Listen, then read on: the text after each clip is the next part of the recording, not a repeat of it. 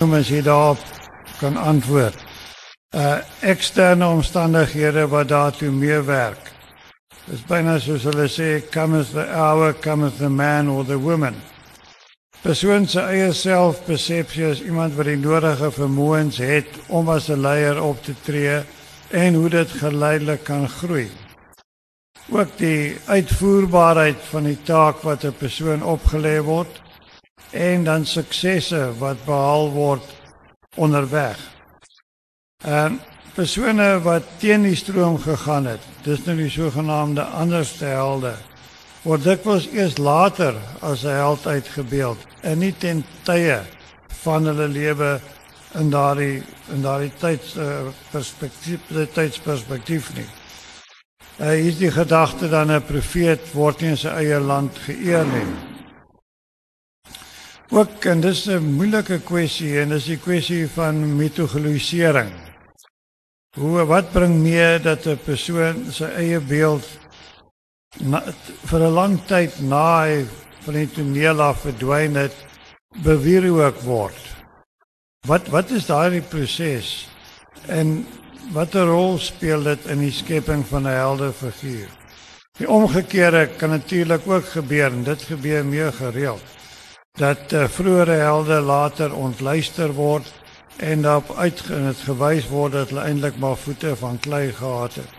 So dis tussen hierdie verskillende dimensies wat ons gaan beweeg. Herman, ek weet as jy net 'n kommentaar lewer op die konsep held en wat dit behels. Ja, ek dink eh, die held is elke generasie het sy eie helde. Jy weet mense die wyse waarop jy jou helde kies, weerspieël ook die waardes wat jy belangrik ag kan jy ou wat 'n held kies wat jou uh wat jou sekere dinge verteenwoordig wat heeltemal bots met jou waardeopvatting nie.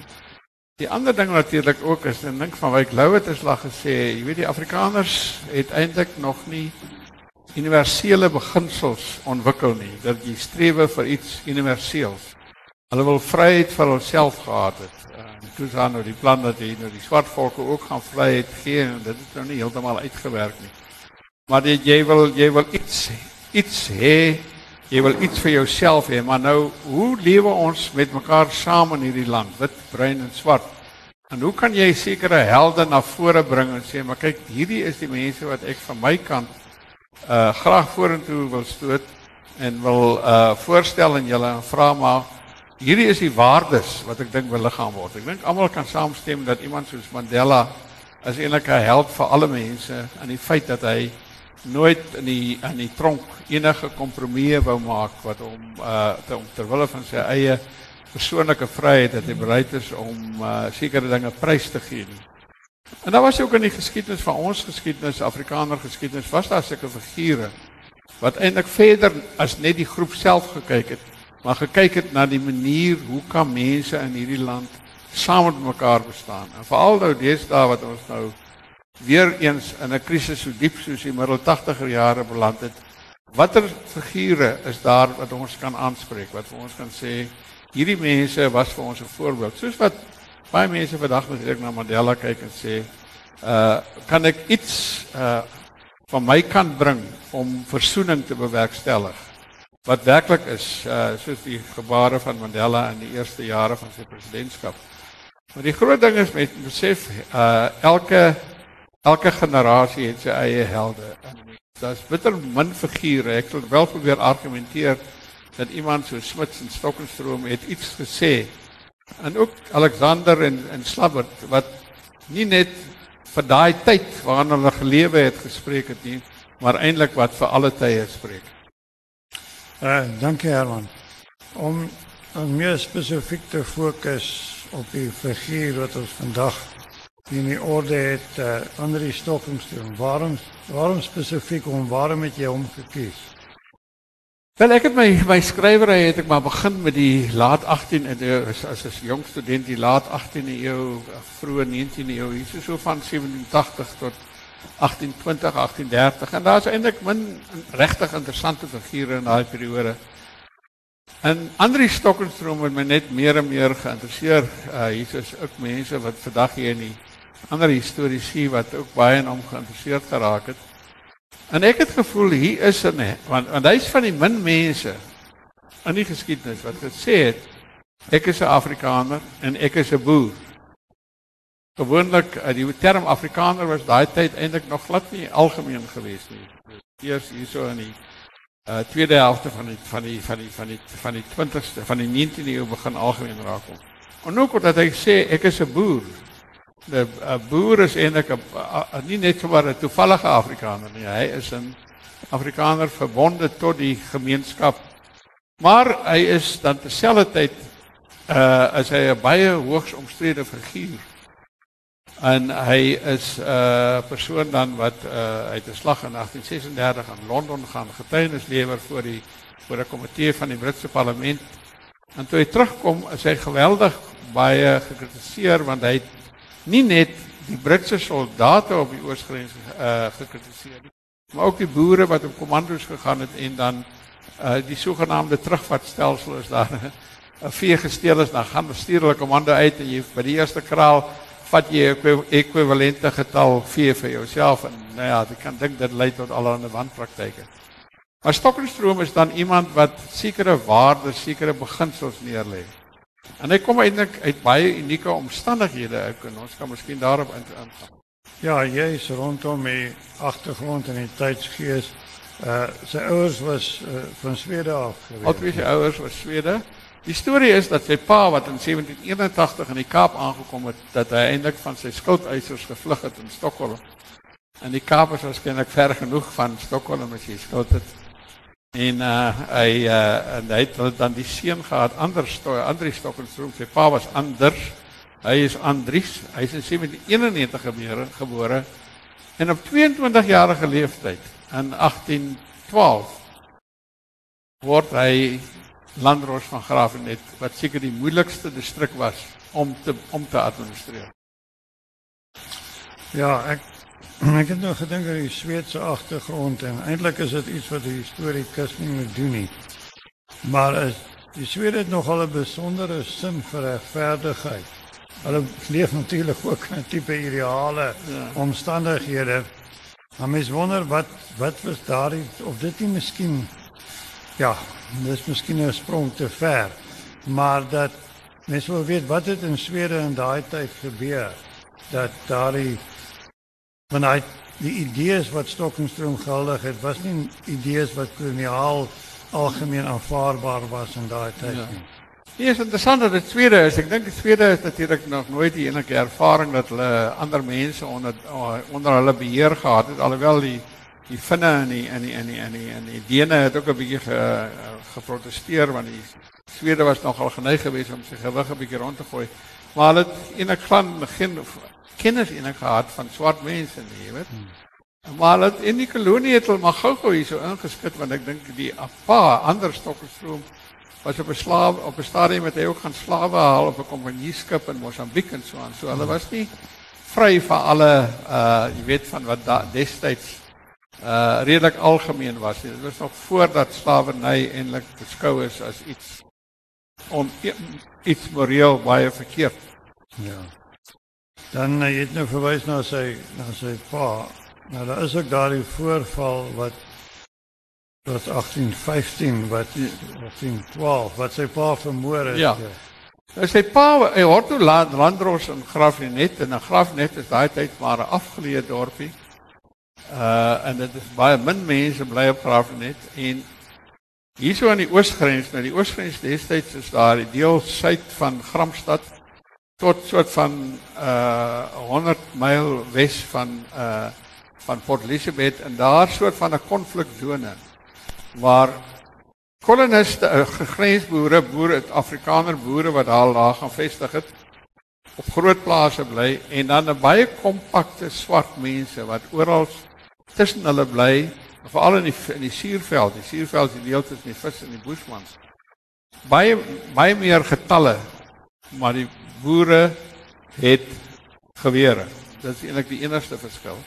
Maar die oosgrens, die suurveld is so dig begroei met bosse dat jou gewere aanvang baie keer nie baie jou baie help nie. Jy het wel perde wat jou voordeel gee. En die uh natuurlik geskiedenis wat ons al oor en oor op skool geleer het, maar geskiedenis wat eintlik glad nie baie bekend is nie, want vir ongeveer 25 jaar het die swartes eintlik die oorhand gehad vanweë hulle getalsterke en baie keer ook vir die vanweë die verdeeldheid onder die blanke self, onder die Afrikaner uh grensboere. En uh Stokkersroom word 'n landros. En wat maak jy? Hoe probeer jy vrede te handhaaf. Nou die een manier hoe die kompanjiesregering wat tot 1795 bestaan het, hoe hulle 'n mate van beheer kan uitoefen, hulle nie vir die boere baie ammunisie gegee nie. As jy vir hulle te veel ammunisie gee, dan is 'n gou-gou konflik. So maar dit kan natuurlik aan die ander kant skep dit natuurlik baie onsekerheid by die grensboere as jy nou hier alleen op 'n plaas bly en jy het nie genoeg ammunisie nie. So dit is eintlik 'n tipe van 'n situasie wat baie keer dink van die meer afgeleë vandag in Suid-Afrika, veral met die plaasmoorde en so aan. En Stokkenstroom uh het regtig probeer om die guns van sowel die boere, die ouer Stokkenstroom, boere as die as die swart mense te wen. Maar die vanweë hulle kompakte getalle het die swart is net al verder en verder ingedruk uh weswaarts Een Britse offisier het self gesê as ons hulle nie gaan stop nie, sal een van die dae in Kaapstad. Uh in in hierdie omstandighede kom daar teen 1812 kom daar vir die eerste keer 'n Britse gouverneur wat 'n militêre offisier is, is Craddock, nou wie die dorp Craddock genoem is. En hy sê ons moet al die swartes uit die oosgrens uit uh, uit die uit die suurveld uit op wat hulle beskou het koloniale gebied ons moet hulle uh, wegdruk. Ons moet oor die visrivier druk en ons moet daar hou. Wat dan natuurlik nou nie geweet het is verskriklik moeilik om hulle daar te hou aan die aan die kan die oosgrens. Want die boere het natuurlik vee en die swartes kan nie verstaan dat so 'n klomp uh, klein klompie boere so baie vee kan hê nie. En uh, baie keer is dan uh, veral die meer uh, swartes wat nou miskien uh, uitgestoot is uit hulle stamverband het hulle nou kom werk met die boere. So dis 'n baie komplekse situasie. Herinner my baie aan vandag om die waarheid te sê. En Stokkersrooms, hy sê want wat hierdie swartes want dan swerf hulle deur die in daai gebied rond en hulle en wat hy nou sê hulle bedelvee. As die boere nie vir hulle vee gee nie, dan steel hulle die vee. En dis toe wat hierdie Stokkersroom gesê het in hierdie land is daar nie vrede of vriendskap tussen die koloniste en die Khoisas moontlik nie. Uh want daar is nie 'n gesag nie, daar is nie 'n sentrale gesag nie. Die, die regering sit hier ver in Kaapstad. En die boere het min ammunisie. Nou dit is in hierdie omstandighede wat Craddock toe kom en sê nee, maar hy gaan nou al die kos, daar seker 'n goeie ek sou skat 10000 vir hulle. Nou die boere is nie veel meer as 1000 nie en hulle bly versprei op plase. Hy gaan nou met 'n troepe mag van van van van Britse soldate, boere en bruin soldate, die sogenaamde Cape Regiment. En hy gaan hulle almal uit uit uitstoot oor die vis visrivier. En die ouer stokkerstroom, die pa van Andries, gaan toe en hy probeer vir die swart mense te waarsku, julle moet hier kom groot moeilikheid want die ouens kom met kanonne en al, julle moet sorg dat julle oor die grens kom. Voor die tyd, voor die troepe kom. En daar so 100 mense het 100 swart mense het om hulle versamel op 'n stadium met hulle toe. Hulle oorval en die stokkerstroom die pa doodgemaak en nog 8 burgers. Uh Die uitsetting van die Kossas het toe plaasgevind uh in Andri Stokkerstroom en Landros van Grafnet geword. Nou in hierdie omstandighede is so interessant die uh, die ander ander Andri Stokkerstroom die seun het nooit enig verwys na hierdie geleentheid sover ek weet nie. Hy het nooit enige verbittering getoon nie. Hy het heeltyd gedink, hoe kan ek vrede tussen wit en swart in hierdie land bewaar? Dit was sy groot groot uh begeerte geweest en hy het alles ingespan om dit te bewerkstellig.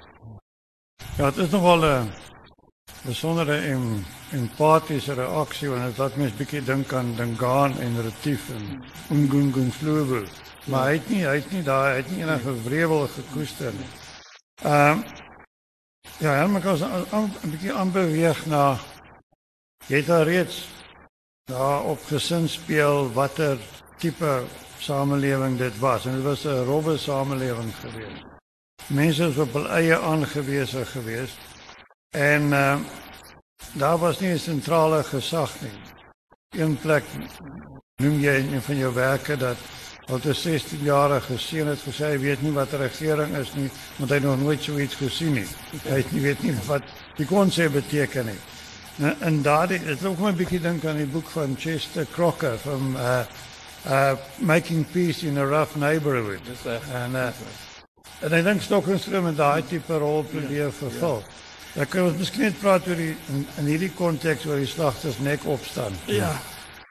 Slagtersnek is eintlik kyk daar wat my my ek weet nie wat die die woord daarvoor is nie, maar daar op die grens enige grens hier in, in Amerikaanse noordgrens, ons oosgrens of ook baie van ons grense. Jy het baie stewige, soliede burgers wat uh probeer om, jy weet, te so uh, orde te handhaaf en volgens die wet te lewe, maar jy het altyd so 'n paar rowwe manne op die op die buiterand. En daar was nou die Prinsloo en die uh Besaidnout Fabers en so aan. En hulle het nog heeltyd gedink jy kan eintlik maar met wapengeweld wat jy skielik, jy weet, intimidasie, amper terreur kan jy die mense afskrik. Gewoonlik het die moeilikhede begin in die verhoudinge tussen die boere en die en die brein uh koi koi horten tot bediendes, horten tot werklui. Wat hulle skaap laat wegraak het, dan sê die boer, maar ek gaan nie vir jou jou loon gee voordat jy nie eers daai vir my daai skaap terugbetaal wat jy laat wegraak nie. Jy kan dink dit is die dit is absoluut die die bron van baie twiste, want daar is nie 'n polisieman wat jy kan aanloop of 'n magistraat wat jy kan aanroep nie. En toe hierdie uh, Frederik besluit nou wat dan eintlik uh hy het moeilikheid met die reg want hy het uh sy ehm um, Hottentot bediende skrobering gegee, pak slaag gegee en die Hottentot klaar by by Stokkerstroom. En Stokkerstroom het 'n klompie soldate, onder andere Khoikhoi soldate, word tot soldate, uitgestuur om hom in hegtenis te neem. En uh, Frederik besluit nou het hom dadelik verset want daar toe 'n geveg gewees en hy is doodgeskiet. Nou baie van die vroeë Afrikaner nasionalistiese historiese het vir Frederik besluit nou te help probeer maak. Totdat hulle begin agterkom maar Frederik besluit nou was eintlik 'n met 'n uh, 'n eksamen bly saam met 'n Khoikhoi vrou het 'n seun by haar gehad wat vir hom baas genoem het. En uh hy was eintlik maar 'n baie dubieuse karakter geweest en Stokkerstroom het net besef hier is die groot skei skeiding tussen anargie en wet. Voor Stokkerstroom geweldig gesê indien jy die wet verloor, indien jy in wetteloosheid verval, dan is daar geen hoop vir hierdie samelewing. Jy moet die wet eerbiedig. En hulle toe die uh daar was toe opstand van vriende en familie van uh Frederik Besaidnout en hulle vier is op die ouend tereggestel. En uh was 'n openbare teregstelling en die toue het gebreek en al so aan. Dit is 'n verskriklike affære geweest. Maar uh Stokkershoek het gesê dat ons kan nie teruggaan na die dae waar boere die wet in eie hand neem nie. Dat mense uh selfstraf en mense selfs um, is om tyd gevalle doodgemaak. So Stokkerstroom het dan gesê ons moet in hierdie land bly en die enigste manier om in hierdie land te bly is om die wet te gehoorsaam. Ja. Uh dankie Herman. Ek wil net 'n bietjie afwyk en iets vra wat jy van van tevore oor gepraat het. Ek weet dit net 2 jaar gelede was jy betrokke in 'n hofsaak. Nie jy nie, maar jy het namens mense opgetree.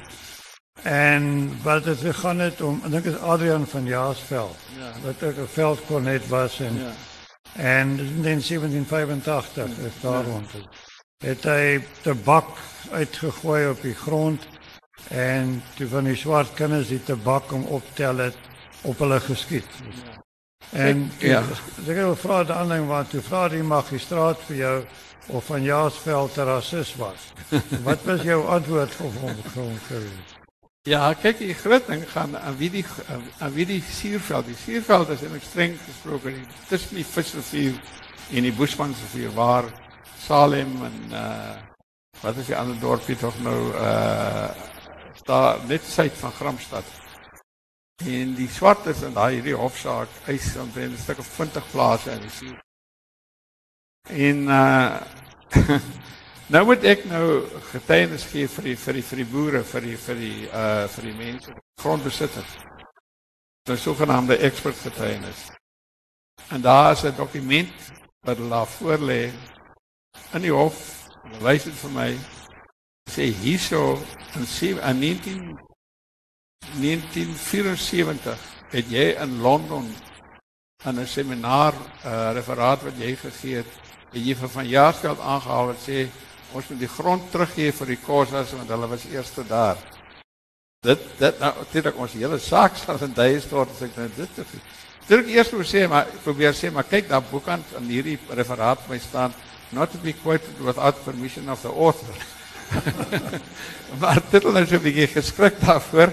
En toe vra hulle wat sê ek nou? Jy sê van Jaarsveld sê dan nou dit. Hoe kan ek nou vandag nou sê nee, die grond is nou eintlik die boere se nou? Ek sê maar kom ons kyk 'n bietjie na van Jaarsveld. Hy was twee keer was hy vir uh, betrokke by massacres gewees. Mense slagting. Eers het hy 'n Bushman dood ag, 'n sekoe dood geskiet. En net toe al die Bushmans kom eet in die in die sekoe, toe skiet hulle almal dood. En 'n ander keer het hy onderhandel vir vrede met die Khoisas. Dit toe hulle nou uh, ingetrek is die swart mense te gooi 'n stukkie tabak uit en hy dat almal doodskiet. Ek sê maar jy kan mos nie so man ernstig opneem nie. Adrian van Jaarsveld hy was daarna sy in hegtenis geneem en hy op aanklag van bedrog en het in tronk gesterf. Hoe kan jy nou so man uh, beskou as as 'n geloofwaardige getuienis? Sê ek dink dis die enigste Afrikaner leier wat ek van weet wat 'n psigopaat was, weet jy? In elk geval, uh, dit is toe daar uh, die ding met ehm uh, Andri Stok Andri van Andri van ja, ah ja, Adrian van ja. Ehm um, omdat ek hier na ehm um, Stokenstroom. Dit lyk my daar's nogal diepe besinning by hom gewees oor die tipe gemeenskap wat daar ontstaan het. En hy was ewe seer gekant geweest teen gemaklike filantropiese uitsprake oor oor hierdie saak. Uh. Ja, en natuurlik het nou die sendlinge gehad vir al die Britse sendlinge, maar ook ander sendlinge wat eh uh, sendlinge van die Londense sendinggenootskap wat van 1812 af geweldig uh, publisiteit gegee het oor gevalle waar boere uh, uh, hotten tot bediende sleg behandel het of waar daar sekere kommandos wat hulle sommer net 'n 'n kraal aangeval het en die kraal, uh, jy weet, skote geskiet, baie keer is mense dood en so aan en die Afrikaners het 'n geweldige slegte naam ontwikkel in Londen, veral in Londen. En baie van ja, af en toe was van die dinge waar wat die sendinge gesê het, maar baie keer was dit nie waar nie. En toe en die groot persoon wat natuurlik net alles nou geweldig aan die groot klok opgehang het, was John Philip wat in 1828 sy boek Researches in South Africa geskryf het. Maar daar was ook ander sendinge gewees. En toe in 1825 uh nou toe Stokkerstroom was toe 33 jaar oud. Toe kom John Philip en 'n ander sendeling, ek dink sy van ek het geweet wat sy ander van was in 'n Britse settler. En vir 'n week lank in die uh, in die Drosdey in Graafrenet argumenteer hulle met mekaar oor die toekoms van hierdie land. En wat aan die aangaan, wat in die land aangaan, ek kan wit en swart ooit saam met mekaar in vrede bly. En sokker so 'n kort stukkie en hy sê hy het nou toegegee van tevore het daar vreeslike ongeregtighede plaasgevind, daar breedhede plaasgevind. Hy sê maar dis iets van die verlede. Die meeste uh, grensboere probeer in sinvolle en 'n in 'n 'n ordentlike lewe te lei en hulle probeer ten spyte van baie groot moeilikhede probeer hulle die wette gehoorsaam en so aan. Maar hulle het net heeltyd die Britse sê dinge wil niks weet en jy sê julle hier is al hierdie uh groot slagtings wat hier plaasvind, dis onregverdighede en julle vat die mense se grond af, julle betaal die boere betaal nie hulle lone nie, hulle vat die grond af. So sê Stokenstroom en ek dink baie keer dis 'n uitspraak wat jy absoluut op vandag ook kan toe, toepassing maak. Hy sê daar's drie opsies vir ons hierdie land. Ons kan ons ons kan weggaan. Hulle sê emigreer. En hy het bijvoorbeeld baie sterk die voortrekkers gekritiseer dat hulle weggetrek het want hy sê dit van dinge net baie moeiliker maak.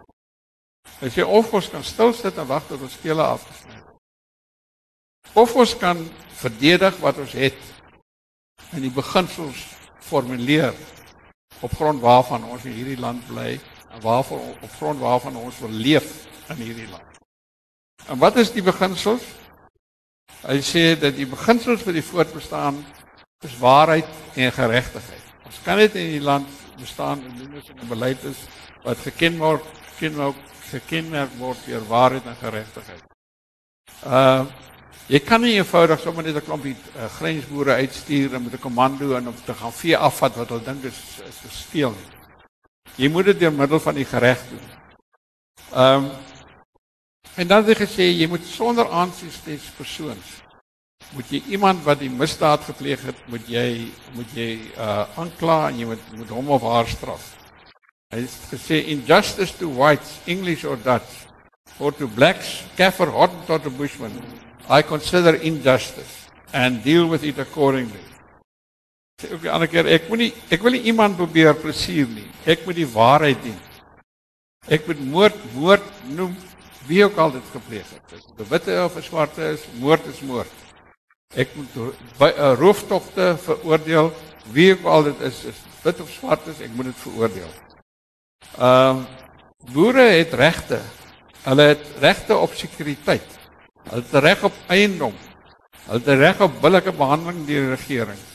Maar hulle het ook die reg om ordentlike beskerming deur die regering. En eintlik kon hy vandag gelewe, hy kon presies dieselfde goed vandag gesê. Ja, die kwessie kom seker daarby in is 'n ou vraag van wat is waarheid en wat is geregtigheid en hoe hoe het uh, swart mense geregtigheid beskou en wat het hulle as waarheid beskou. Die probleem is ook seker dat ons nie daardie dokumentasie het of of artikulasie van hoe hulle dit beskou het nie. Ja, wat hulle persepsies daarvan was nie. Uitgevoel jy kan uit later aan dit hy 'n uh verdragstelsel uh voorgestel wat jy die wat jy dan 'n eintlik 'n vredesverdrag tussen die die kolonie en die vernaamste swart opperhoofde. En hy het geglo hulle sal hulle kan doen hulle sal hulle kan bring. Dat in nie hulle sê hier's 'n vee gesteel. Sorg dat hy vee uh, uitgelewer word anders gaan daar moeilikheid kom. En jy hy, dat jy op hulle woord kan gaan. Dit is nie dat jy weet jy hulle nie glad kan vertrou nie moontlik dat dien dit op die basis van geregtigheid is dat jy goeie samewerking tussen wit en swart kan kry. Uh die groot moeilikheid het natuurlik gekom en dit is is die boere, jy op die boere op die plaas en daar word nou vee gesteel. Die boere spring op hulle perde en hulle jag die mense agterna. Kan hulle hulle in hegtenis neem? Kan hulle hulle in hegtenis neem selfs al het hulle passe? Net op die blote vermoede dat hulle dat hulle diewe is. Kan enigiemand vandag iemand in hegtenis neem op die vermoede dat hy of sy gaan steel? En hy het gesê nee, jy moet die maar nou goed die groot moeilikheid wat dit nou 'n bietjie idealisties maak is. Is daar natuurlik vreeslik min soldate en polisie wat wat kan patrolleer. Jy hulle is so ver van mekaar af geleë die plase. Baie keer moet die boere maar amper half uh uh instinktief optree. Uh jy weet onmiddellik optree. Maar Stokkerstroom moet heeltyd net beklemtoon Julle kan nie die wet in eie hande neem. Hierdie ander mense het ook regte. Julle moet vir hulle probeer om, jy weet, daar is natuurlik veldkornette wat kan mense in hegtenis neem en uh op die manier kan jy op daardie manier kan jy probeer om die ding te keer, maar jy kan nie op, op jou eie sommer 'n dief skiet of uh om hom in heg om of hom opsluit en sê jy jy, jy vermoed hom jy vermoed dat hy dat hy jou skade gedoen het. Ja, ek dink die, die term wat hulle gebruik het nie wenig daai tyd maar effe later was loitering with intent. Ja. Dat jy we gaan as die vas aanname is jy gaan kwaad doen. Ja, ja jy gaan kwaad doen ja en ek dink daar het eintlik 'n groot botsing met Pieter Tief gehad. Want Pieter Tief gesê hoekom word ek nie vertrou dat ek kan uitgaan en in daai kraal waar ek vermoed my beste is dat ek dit daar kan uithaal in die kraal, kraal nie.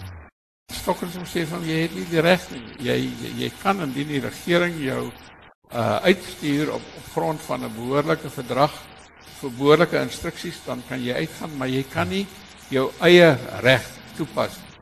En Stokkers uh, Pieter Tief het gevoel maar dan vertrou jy my nie. Wat help dit dat ek velkom net as jy hulle vertrou my nie? So is ek wat ek wil eintlik probeer oordra, baie keer het ons al die cowboy films gesien, so aan Maar hierdie is 'n cowboy jy weet. Dit is doodgewoon. Stokenstroom is 'n sheriff.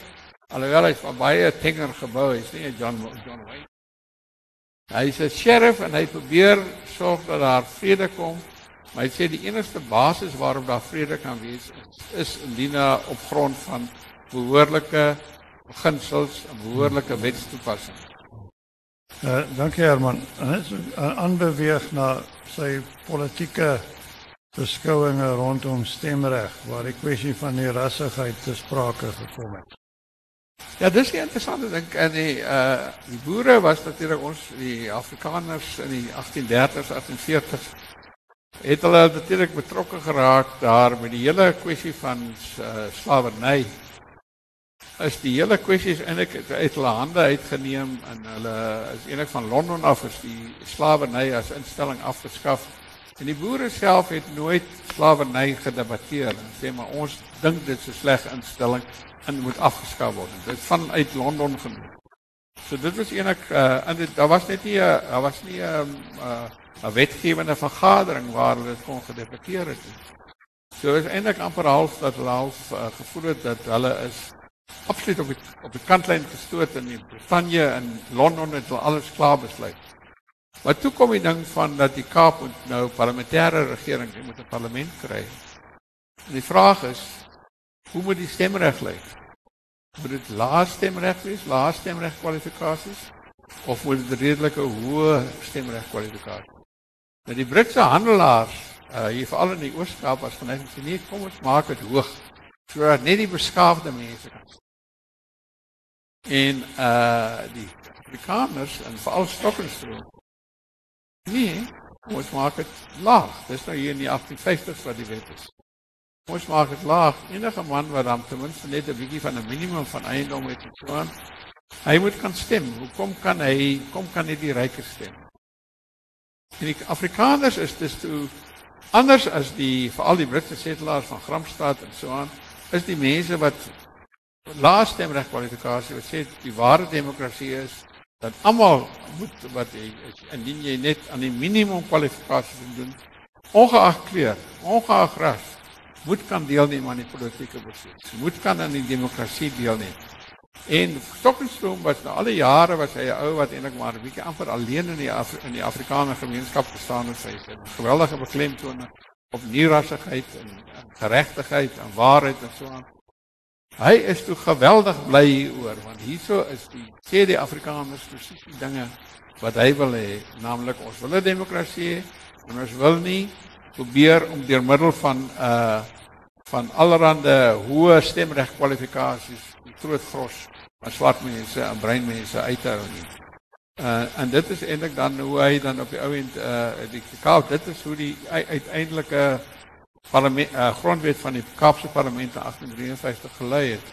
Dit was toe 'n lae kieskwalifikasies en die mense het gekompeteer om die stemreg. Hulle het vir vir uh toe ons in Unie van Suid-Afrika nie gekry was die die Afrikaner Bond die grootste politieke party en hulle het gesê hierdie bruin stemreg en swart stemreg moet behou bly. Nou die kwessie van laas uh, kwalifiserende stemreg was dit nie onmoontlik om met Afrikaners daai stadium uh, nie die die die uh, opvoedkundige kwalifikasies gehad het as wat Engels sprekende sou gehad het. Hulle baie minder gehad. Kyk, maar die meeste Afrikaners het dan hulle kinders op die plaas om leer lees en skryf en jy weet 'n basiese hmm. literêre vaardighede. Maar eintlik sou uh sou dit die Afrikaners ook geraak het indien die kwalifikasies te hoog geraak het. Ja. Maar dit lyk regtig of hulle 'n uh, sekere ouens soos nou Stokenstroom maar ook uh Evie Wright se pa en uh die wigsie in Kaapstad het almal baie sterk aangedring op op 'n liberaal op 'n liberale nie rassige grond. Ja, is natuurlik ook as jy eiendom besit kon jy ook stem. So dit was nie net op voedkundige kwalifikasie. Ja, eiendom besit is ook een van die kwalifikasies.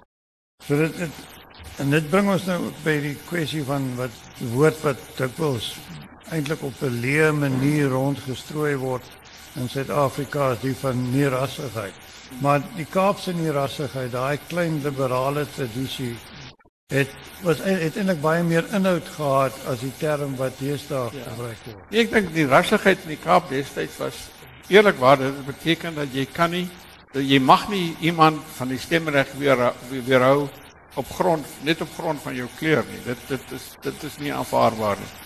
En die rassigheid was daai was dan die idee gewees dat almal voor die wet gelyk is en jy kan almal het die reg om te gaan stem en dien jy aan die kwalifikasie kan voldoen. Vandag se nierassigheid is iets heeltemal anders. Dit beteken eintlik dit beteken eintlik regstelling dat jy uh die wanbalans wat daar uh, in die loop van die geskiedenis ontstaan het dat jy deur middel van regeringsinmenging moet ongedaan maak en dan word dan kan ons nou nie rassig word as daai daai uh skewe dinge uh, reggemaak word. Uh, dankie Herman. Ek wil net laaste kwessie aanroer voor ek die vloer oopstel. Ehm um, dis wat vir my verbasend is dat Stokkingstroom so bykans vergeete figuur is in Suid-Afrikaanse geskiedskrywing of in geskiedskrywing in die algemeen. As 'n Stokkingstroomstraat weet ek in in Graafrenet. Ja, as 'n Stokkingstroom gastehuis of dit. Ja. George is dit. Ja, wel ek ek dink eintlik hy is so 'n figuur so gelyk aan Thomas Jefferson in die Amerikaanse geskiedenis. Hy is ons Jefferson eintlik, jy weet. 'n Geweldige groot figuur. Die groot moeilikheid met Stokkingstroom is natuurlik hy het gebot met die voortrekkers en hy het baie skerp gebot met uh uh, Pieter Tief want hy het 'n uh, bietjie gedink Pieter Tief is maar 'n bietjie van 'n shyster, jy weet en so aan hy het nie uh, hy was nie baie lekker met Pieter Tief nie, maar hy het 'n groot respek vir Andrius Pretorius gehad. En hy het gesê Andrius Pretorius is 'n man met vaardighede het. En die Tief het maar in 'n kanse gevat, jy weet hy was twee keer in sy lewe was hy bankrot. Baie koppe een mis met die Britse handelaars aan Gramstad geweest. En so aan maar uh, Stokkerstroom met dit sê hy het respek vir uh, Pieter vir Andrius Pretorius gehad. Die groot moeilikheid met Stokkerstroom is natuurlik dat hy uit in 1835 het hy Londen toe gegaan en hy daar hy daar eintlik maar weer sy hele ding van waarheid en geregtigheid. Daar het hy sekere goed gesê dat ook van die boerekommandos het uh snaakse goed te weet on, on, onregverdige goed, brede goed aangevang op die kommandos uh wat baie keer saam met Britse offisiere uitgevoer het. En dat hierdie sogenaamde patrollies, dit is paar dinge baie verkeerd loop en hulle val 'n kraal aan en dan skiet hulle en daar's ongevalle en so aan. Wag, Stockholm 'n ander groot probleem. Dit natuurlik hulle het hom toe hy nou terugkom van Londen af het hy uh was hy baie ongewild maar hy het toe gesê maar dis presies wat ek wat wat hy gesê het en hy het uh dit was nie Buitekant Gramstad was daar nie baie boere wat wat hom wat hom gekritiseer het nie. Maar Stokkingstroom het 'n ongelooflike onleesbare handskrif. Dit is eintlik een van die redes waarom niemand hom wil bestudeer nie. Jy kan net nie ek het ek het 'n slag met my uitgewer Erika Oosthuizen gepraat. Sy was 'n studente assistent vir ander vir uh Andre de Toey en sy was sê sy die geld so nodig gehad, maar sy kon net die Stokkingstroom se handskrif lees. Ja. Maar ek ek ek, ek dink ons ehm uh, um, Stokkerstroom is sekerlik iemand wat meer as twee gastehuise verdien, jy weet. So ek dink hy as Ja, dink ook is miskien ook moontlik dat hierdie tipe nie randfigure nie, maar middelfigure nêrens mooi inpas in 'n nasionalistiese narratief nie. Ja, kyk, daar was ja, daar was 'n tyd wat die hele voortre Afrikaner geskiedskrywing gewentel het rondom die Anglo-Boereoorlog en die Groot Trek, jy weet. Aan dit was die groot figure en jy het die almal moes in daardie paradigma van die van die heroïese Groot Trek en die heroïese Anglo-Boereoorlog. Uh ek dink uh, Stokkerstroom het nie in daai prentjie ingepas nie, maar waar ons nou vandag in 'n in 'n nie rassige grondwet het waar ons vandag in 'n eintlik in 'n sekere sin waar die oorhand nou geskuif het na die swart mense.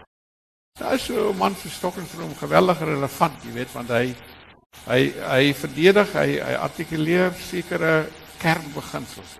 Daai kernbeginsels het nie. Kan ons nie hoop om hierdie land se is 'n se 'n potensiaal te verwesenlik. En net 'n laaste opmerking oor beginsels. Dis 'n baie vloeibare grip vir politici, né? Ja. En vanaf die 19de eeu nie meer. Hierdie hierdie was hy was nie 'n politikus nie, hy was 'n amptenaar. Ja, hy, ja, ek dink dit het net self verby sy op jou te sê. Ek dink weet nie ek dink hy was was hy verkies vir die Kaapse Parlement in 1853 of nie. Ek kan ek kan nie onthou nie. Uh nee, Potje uh, Stokkerstroom moet altyd gesê ek is 'n amptenaar en ek moet laat reggeskiet aan albei kante. Dit was sy baie groot begeerte. Hier sit Jan Versage uh uh Jan het geskryf oor die Katrivier nedersetting. Katrivier nedersetting was eintlik maar Stokkerstroom se idee geweest dat daar 'n reservaat moet wees vir vir Hottentotte of Khoikhoi soos ons vandag sê en dit is uh En daar is nog sekere van die breinfigure uit was. Ja, dit mense wat nog maar vernoem is maar Stokkerstroom. Hy is 'n baie groot uh, groot figuur in die geval van die van die van die Oosgrense, die Ooskaapse breinmense. En as hy hulle vleur leier is, hy nie hulle hulle vleur is, wil ek amper nie. Uh so dit is uh eintlik goed dat ons hom uh, maar weer 'n bietjie uh, herontdek en na vore stoot. Ja, enige kommentaar van die vloer Jan? Ja. Ek kan jou nommer druk so skielik, maar maar ek dink is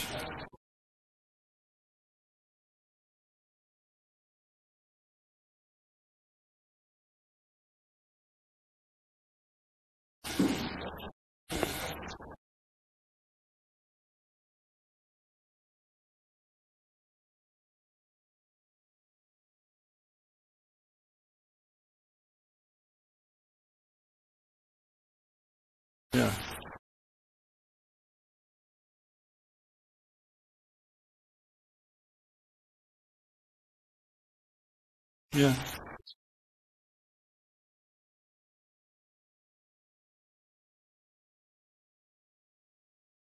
Ja.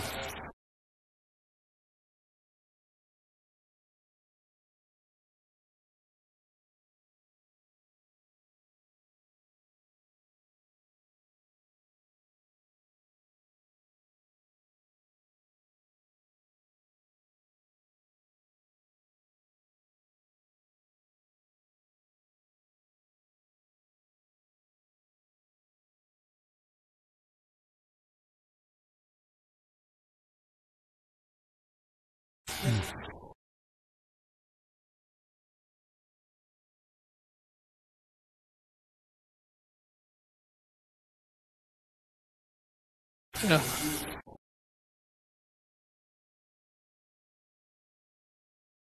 ja. Uh, dankie Jan. En ja. uh, Okay. Ehm um, ek kan miskien net herhaal wat hy gesê het en dit is dat die verhouding tussen Piet Retief en en Stokkenstrom is, is gekompliseer. En en elkeen het sy eie interpretasie daaraan geheg. En terwyl uh, Retief uiteindelik die Afrika of die boere saak goed geartikuleer, maar hy was nie sonder ambisie geweest nie. Uh enige ander opmerkings? Uh Hierso en dan uh, uh Johan. Uh Eintlik ja Jan, jy kan miskien beter die vraag vra. Stokkerstroom, Maastroom, Maastroom is die is die plaas se naam, hè? By Stokkerstroom self geboer.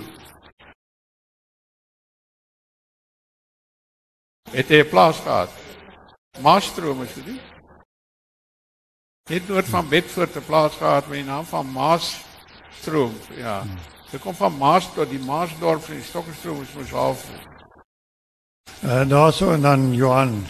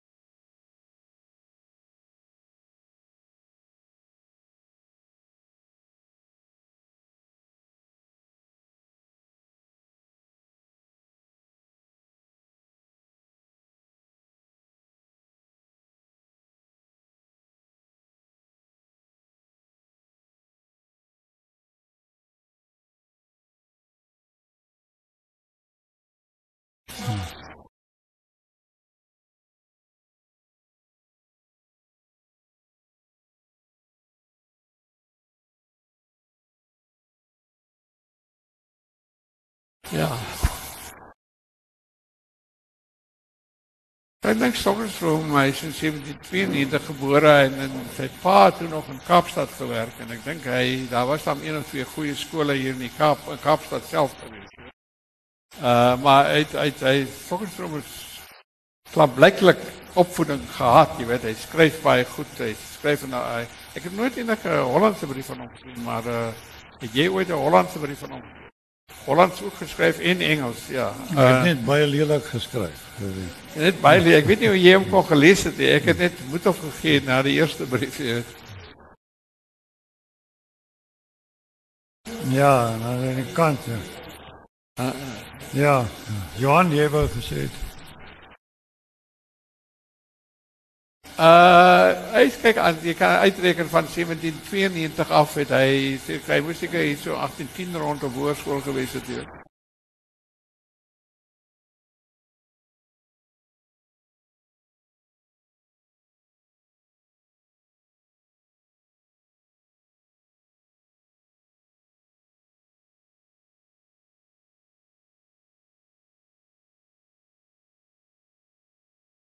Parijs. Hmm. Ja.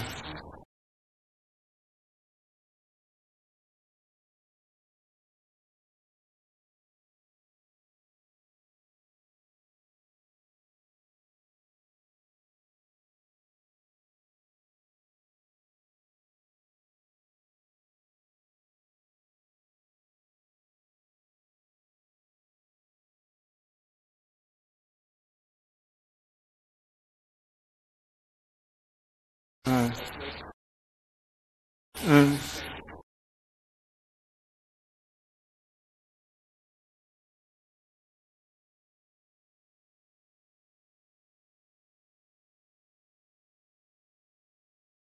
Britse handelaars en soldaten.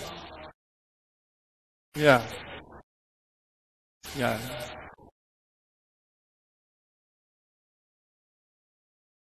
Mooi. Die spoor volg tot by die kraal, dan vat jy soveel beeste is wat jy nou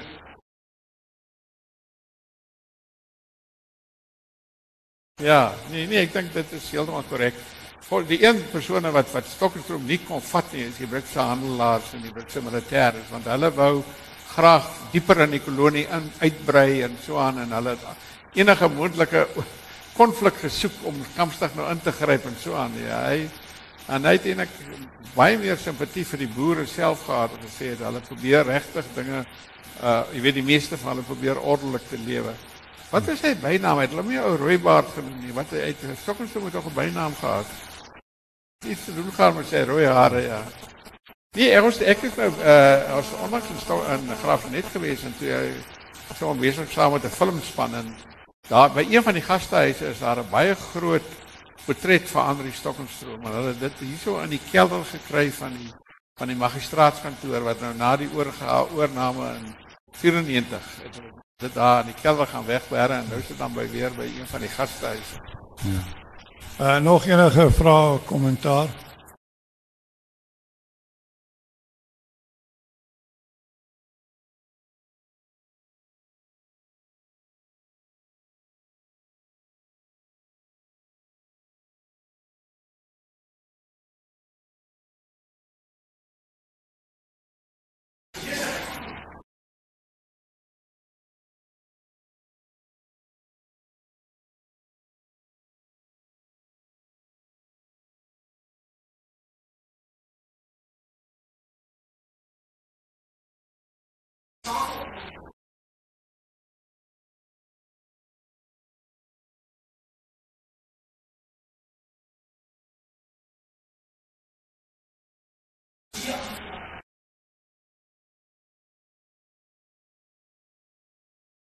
Die VP oor algemeen die Kaap nou in 1795 in Britse hande kom, het die het hulle trouwens groot mate van kontinuïteit. Hulle het baie van die van die beste amptenare het hulle gehou ook in die distrikte. Stockholm met uh ek dink die Stockholm met uh, 17 95 ander Stockholm was hy uh, was hy uh, uh, van graaf net tydens die eerste bewind. Ek twyfel nie hy het hy het waarskynlik teruggeroep Kaap toe dan neem aan.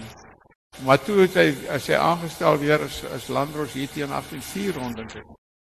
Onder die betaalste bewind in Stockholm. Daar's baie amptenare teruggeroep, maar ander het in hulle poste aangebly. Maar daar was eintlik 'n die Kaap was eintlik 'n 'n groot 'n tydperk van onsekerheid tussen 1795 en 18 1812, 1814 totdat dit nou finaal oorgegaan het in in Britse hande kragtens 'n vredesverdrag in Europa. Ja, net 'n vlugtige opmerking na aanleiding van Zuma se uitlatings oor Jan van Riebeeck. Ek het nou eendag hierdie wonderlike spotprent gesien van Jan van Riebeeck wat daar land en die koei ontmoet hom daar en hy sê ons net 'n snoepie oopmaak. Ons wil nie kom moeilikheid maak nie. ja. Nog enige die laaste twee vrae dan moet ons ophou. Ja, dankie.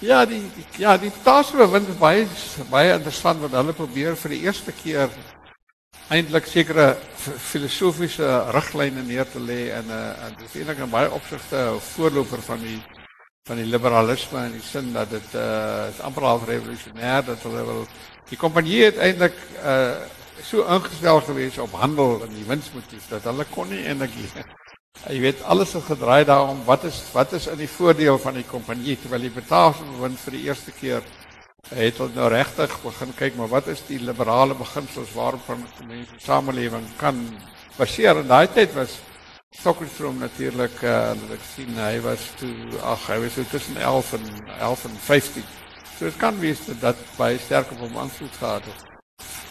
Okay.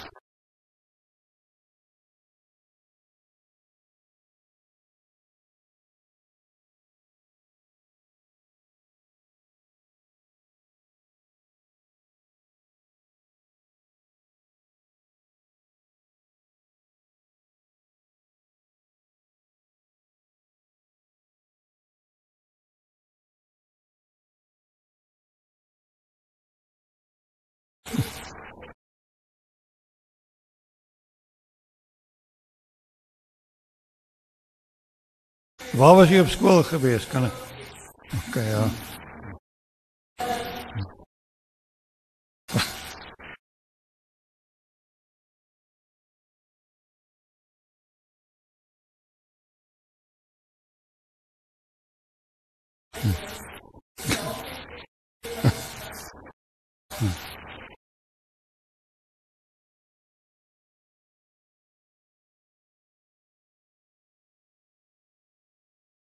Ja. Baie ja. dankie, dit is 'n wonderlike storie, ja. Okay. Ja, uh, dankie dan vir u teenwoordigheid en belangstelling. Dankie. Ja, dankie. Dankie.